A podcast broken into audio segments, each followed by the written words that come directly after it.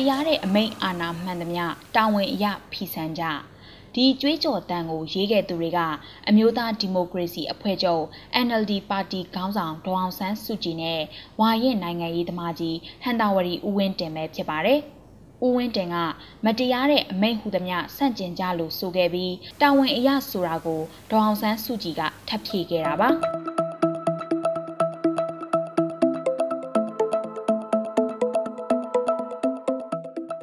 နှိပ်ခံရရသူတွေနဲ့ပတ်သက်လို့အာနာဖီဆန်ရေးသဘောတရားကိုစတင်ခဲ့သူဟာ1800နှစ်ပတ်လည်ခန့်ကအမေရိကန်နိုင်ငံသားဒသနပညာရှင်ဟင်နရီတော်ရိုပဲဖြစ်ပါတယ်။သူဟာအကြမ်းမဖက်အာနာဖီဆန်ရေးသဘောတရားကိုရုရှားစာရေးဆရာကြီးလီယိုတော်စထရိုင်းစီရေးသားပေးပို့ခဲ့ပါတယ်။တော်စထရိုင်းကတဆင့်အိန္ဒိယနိုင်ငံမဟာဓမ္မဂန္ဒီစီရောက်သွားခဲ့ပါတယ်။အဲဒီကတဆင့်အိန္ဒိယနိုင်ငံရေးလှုပ်ရှားမှုတမိုင်းမှာအရေးပါတဲ့စားခွန်တိုက်ပွဲဆိုတာဖြစ်လာခဲ့တာဖြစ်ပါတယ်။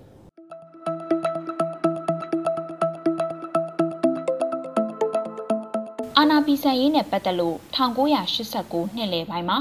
NLD ပါတီအတွင်းစတင်ခဲ့တာဖြစ်ပါတယ်။1989ခုနှစ်ဇွန်လကကချင်ပြည်နယ်ခရီးစဉ်မှာပြောခဲ့တဲ့ဒေါအောင်ဆန်းစုကြည်မိန့်ခွန်းတွေမှာအာနာပီဆန်ရေးသဘောတရားတွေပါဝင်လာခဲ့ပါတယ်။ဒါကိုရိပ်မိတဲ့ဟန်တာဝရီဦးဝင်းတင်ဟာပါတီတွင်းမှာအာနာပီဆန်ရေးလမ်းကြောင်းအတွက်အစပြုခဲ့ပါတယ်။ဒီသဘောတရားတွေကို လူလူတွေပထမဆုံးချပြခဲ့တာကတော့တောင်မွေမြို့နယ်စာတင်ကျောင်းတစ်ခုမှာလုပ်တဲ့လူလူဟောပြောပွဲမှာပါ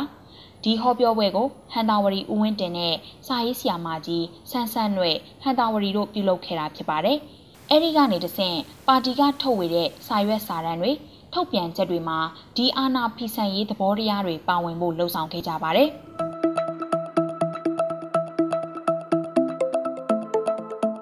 ဒီအာဏာဖီဆန်ရေးလမ်းကြောင်းနဲ့ပတ်သက်လို့တွေးကြော်တန်ဟာမတရားတဲ့အမိန့်အာဏာဟုသမျှဖီဆန်ကြလို့သုံးရအောင်ဆိုပြီးပါတီတွင်းမှာအဆိုတင်သွင်းခဲ့ပါတယ်။ဒီလိုတင်သွင်းတာကိုပါတီဗဟိုကော်မတီမှတင်သွင်းခဲ့တာဖြစ်ပါတယ်။ ဗဟိုကော်မတီအတွင်းဒီကြွေးကြော်တန်းကိုတုံးသင့်မတုံးသင့်ဝေခွဲမရဖြစ်နေချိန်ဒေါအောင်ဆန်းစုကြည်ကဒီဟာကိုသဘောကျကြောင်းနဲ့ဒီအာဏာဖီဆန်ရေးလိုင်းကိုလောက်ရမှာဖြစ်ကြောင်းဒါပေမဲ့ဒီကြွေးကြော်တန်းဟာမပြည့်စုံကြောင်းပိုကောင်းတဲ့ဟာကမတရားတဲ့အမိန့်အာဏာဟုသမျှတာဝန်အရဖီဆန်ကြဆိုပြီးတော့300အောင်ဆိုပြီးပြင်ဆင်အဆိုပြုခဲ့ပါတယ်တာဝန်အရဆိုတဲ့စကားရက်ထဲ့တာနဲ့ပတ်သက်လို့လဲဒီကိစ္စဟာသေးသေးကွေးကွေးမဟုတ်ဘူး တိုင်းသူပြည်သားအလုံးတာဝန်ရှိကိုရှိတယ်အာဏာဖီဆန်ရမယ်ဘာဖြစ်လို့လဲဆိုတော့ဒီစစ်အစိုးရရဲ့နိုင်ထက်စီနင်းပြုမှုတွေကိုကျမတို့လက်ပိုက်ကြည့်မနေနိုင်တော့ဘူးတာဝန်ရှိကိုရှိတယ်လို့ပြောဆိုခဲ့ကြောင်းဟန်တာဝရီဦးဝင်းတင်ကခေဝင်ကိုထမ်းခေလန်းကိုရှောက်စာအုပ်မှာထုတ်ပေါ်ရေးသားထားခဲ့ပါတယ် NLD ဟာဒီကြွေးကြော်တန်းတဲ့အတူအဲ့ဒီကာလကနိုင်ငံကိုမတရားလွတ်ယူထားတဲ့ စစ်အုပ်စုရဲ့မတရားတဲ့အမိန့်အာဏာဟုသမျှစန့်ကျင်ရေးပြည်ဆန်ရေးလှုပ်ရှားမှုတွေကိုဇက်တိုက်လှုပ်ဆောင်ခဲ့ပါတယ်။ monks surrounded by defiant citizens march against the military regime. အာနာဖီဆန်ရေးလှုပ်ရှားမှုတွေဟာ1989ခုနှစ်ကစပြီး NLD ကစတင်ခဲ့ပေမဲ့ NLD မဟုတ်တဲ့ကြံနိုင်ငံရေးအင်အားစုတွေအထိ DEU အစအတွေးအခေါ်လုံနီးလှုပ်ဟန်တွေကျယ်ပြန့်ခဲ့ပါတယ်။ပြင်ပနိုင်ငံရေးသမားတွေကလည်းအာနာဖီဆန်ရေးလှုပ်တယ်လို့ထောင်သွင်းအကျဉ်းချခံရတဲ့နိုင်ငံရေးသမားတွေကလည်းအာနာဖီဆန်ရေးလှုပ်ရှားမှုတွေကိုထောင်တွင်းမှာပါမကြမ်းလှုပ်ဆောင်ခဲ့ကြပါတယ်။ စေအုပ်စုကပေးသမျှအမိတ်အာဏာတိုင်းဟာမတရားတဲ့အမိတ်အာဏာတွေမို့လို့တာဝန်အရာကိုဖီဆန်ခဲ့ကြပါတယ်။2000ခုရွှေဝါရောင်တော်လှန်ရေးကာလမှာဆိုရင်ဒီအာဏာဖီဆန်ရေးသဘောတရားကိုအခြေခံတဲ့နိုင်ငံရေးလှုပ်ရှားမှုတွေအားကောင်းကောင်းနဲ့ဖြစ်တည်ခဲ့ပါတယ်။ရွှေဝါရောင်လှုပ်ရှားမှုအတွင်းပါဝင်တဲ့ရှီလေးလုံးចောင်းသားခေါင်းဆောင်တွေနဲ့တခြားသောနိုင်ငံရေးအင်အားစုတွေကိုစစ်အုပ်စုကဖမ်းဆီးတရားစွဲတဲ့အချိန်တရက်ခွင်အတွင်းမှာအာဏာဖီဆန်ရေးလှုပ်ရှားမှုတွေလှုပ်ဆောင်ခဲ့ကြပါတယ်။ စစ်အုပ်စုလက်အောက်ခံတရားရုံးတွေနဲ့တရားစီရင်ရေးစနစ်ကိုအယုံကြည်မရှိကြောင်းဖော်ပြတဲ့အနေနဲ့တရားရုံးတွေကိုတပိတ်မှောက်ဆန့်ကျင်ခဲ့ကြပါတယ်။ဖန်စီတရားစွဲခံထားရသူတွေကိုစစ်တပ်ကထောင်ကနေထုတ်တရားရုံးကိုခေါ်လာပြီးမဲ့အားလုံးကတရားရုံးနဲ့ပူးပေါင်းဆောင်ရွက်တာမျိုးမလုပ်ဘဲနေခဲ့ကြပါတယ်။တရားရုံးထဲမှာတရားသူကြီးကိုမျက်နှာမမူပဲနောက်ပြန်လှည့်ထိုင်ကြတာ တရားသူကြီးနဲ့ရှေ့နေတွေကမေးမြန်းတာတွေနဲ့ပတ်သက်လို့ပြန်လည်မေးမြန်းတာဖြေကြားတာတွေမလုပ်ဘဲစန့်ကျင်ခဲ့ကြပါတယ်။ဒီလိုအာဏာဖီဆန်မှုကိုမကြိုက်တဲ့စစ်အုပ်စုကတရားစွဲထားသူတွေကိုစွဲထားတဲ့ပုံမှားတွေအလိုက်အမြင့်ဆုံးထောင်ဒဏ်တွေပေးခဲ့တဲ့အပြင်တရားရုံးမထီမဲ့မြင်မှုနဲ့6လစီထပ်ပေါင်းအပြစ်ပေးခဲ့ပါတယ်။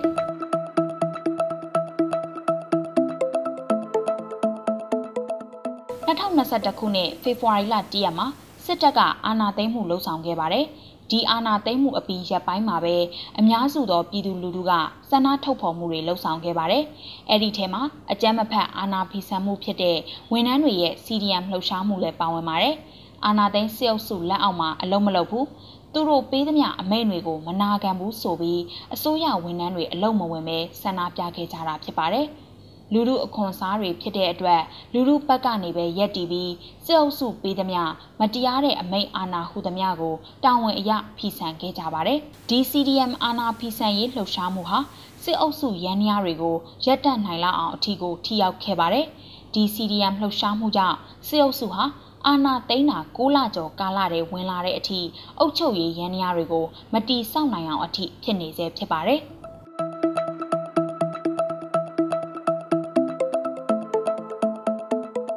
နွေဦးတော်လိုင်းရေးမှာ CDM လှုပ်ရှားမှုနဲ့အတူဘူးတပိတ်လှုပ်ရှားမှုကလည်းလူမှုကြားထဲမှာအားကောင်းကောင်းနဲ့ရှိခဲ့တယ်လို့အခုထိလည်းရှိနေသေးဖြစ်ပါတယ်။ဘူးတပိတ်ဟာစေအုပ်စုနဲ့မပူပါဘူး။စေအုပ်စုနဲ့ဆက်ဆက်တဲ့စီးပွားရေးလုပ်ငန်းတွေကထုတ်ကုန်တွေကိုမတုံးဆွဲဘူး။အခွန်မပေးတာပုံမှန်သွင်းရမယ့်ငွေတွေမသွင်းမဲဆိုင်းငံ့ထားတာ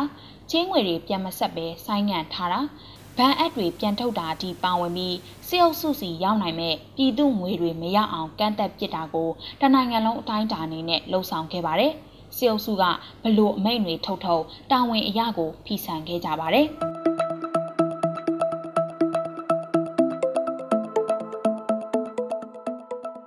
ပြီးခဲ့တဲ့ဇူလိုင်လ23ရက်မနက်ပိုင်းကရန်ကုန်အင်းစိန်ထောင်ဩဂုတ်လ10ရက်ကမန္တလေးအိုးဘိုထောင်တွေမှာထောင်တွင်းစုပူမှုတွေဖြစ်ခဲ့ပါတယ်။ စေအုပ်စုကမတရားတဲ့နည်းနဲ့ဖမ်းဆီးထားတဲ့နိုင်ငံရေးသမားတွေကိုထောင်တွင်းလုံထုံးလုံနည်းတွေကိုမျက်ကွယ်ပြုပြီးစေကူးဝင်မပေးတာတရားဥပဒေနဲ့မညီအောင်စီမင်းစီကံတင်းကျပ်တာမတရားဖမ်းဆီးခံရသူတွေကိုလွတ်ပေးရေးတွေတောင်းဆိုခဲ့ကြပါတယ်။ထောင်တွင်းတောင်းဆိုတိုက်ပွဲဝင်ဖိဆန်မှုကအရင်နီးလဲကြီးခဲ့ပါတယ်။စေအုပ်စုလက်ပါစီထောင်ဝင်နှန်းတွေကအာနာဖီဆန်ဆန္ဒပြသူတွေကိုတေလောက်တဲ့အထိဒဏ်ရာရအောင်ရိုက်နှက်ဖြိုခွင်းခဲ့ပါတယ်။ ဒါပေမဲ့မတရားဖန်ဆီးခံထားရသူတွေဟာစစ်အုပ်စုရဲ့မတရားတဲ့အမိန့်အာဏာမှန်သမျှကိုတာဝန်အရဖီဆန်ခဲ့ကြပါတယ်။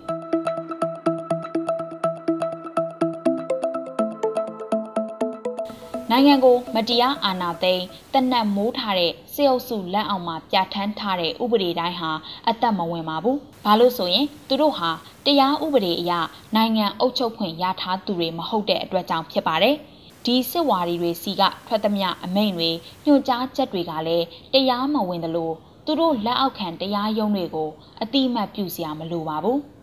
နိုင်ငံရေးလှုပ်ရှားသူတွေနဲ့ပတ်သက်ပြီးတရားရုံးတွေကဆုံးဖြတ်တဲ့စီရင်ချက်တိုင်းဟာလည်းစစ်အုပ်စုအလိုကျကြိုရေးထားပြီးသားစီရင်ချက်သာလျင်ဖြစ်ပါတယ်။ဒါကြောင့်ဒီကနေ့ຫນွေဦးတော်လိုင်းရေးသမားတွေနိုင်ငံရေးသမားတွေဟာတရားရုံးတွေမှာတရားစွဲဆိုခံနေရတာကိုလက်မခံနိုင်ကြောင်းစန့်ကျင်ကြဖို့လိုပါတယ်။ ဖီဆန်ကြဖို့လိုပါတယ်။အဲ့ဒီနီးတူကြိုရေးထားတဲ့စီရင်ချက်တွေနဲ့မတရားထောင်သွင်းအကျဉ်းချခံရမှုတွေကိုစန့်ကျင်ကြရပါမယ်။ဖီဆန်ကြရပါမယ်။ဒါဟာတာဝန်အရာဖြစ်ပါတယ်။သမရဦးဝင်းမြင့်နဲ့အတိုင်ပင်ခံပုဂ္ဂိုလ်ဒေါအောင်ဆန်းစုကြည်လည်းစန့်ကျင်ရမယ်။ဖီဆန်ရမယ်။ဒါဟာတာဝန်အရာဖြစ်ပါတယ်။တခြားဖန်စည်းခံနိုင်ငံရေးသမားတိုင်းနဲ့တော်လှန်ရေးသမားတိုင်းလည်းစန့်ကျင်ရမယ်။ဖီဆန်ရမယ်။ဒါဟာတာဝန်အရာပဲဖြစ်ပါတယ်။ တာဝန်အရာဆိုတဲ့လေးနက်မှုကိုဘယ်အကြောင်းပြချက်ဘယ်အရာနဲ့မှခြေဖြတ်ပစ်လို့မရပါဘူး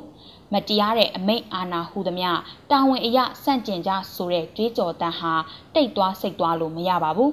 ဒီကြွေးကြော်တန်းဟာမြိုင်နေလှိုင်နေဟိန်းနေအောင်လှုပ်ဆောင်ပြီးစစ်အုပ်စုကိုအတိအမှတ်မပြုဘူးဆိုတာကြေညာနေရမှာဖြစ်ပါတယ်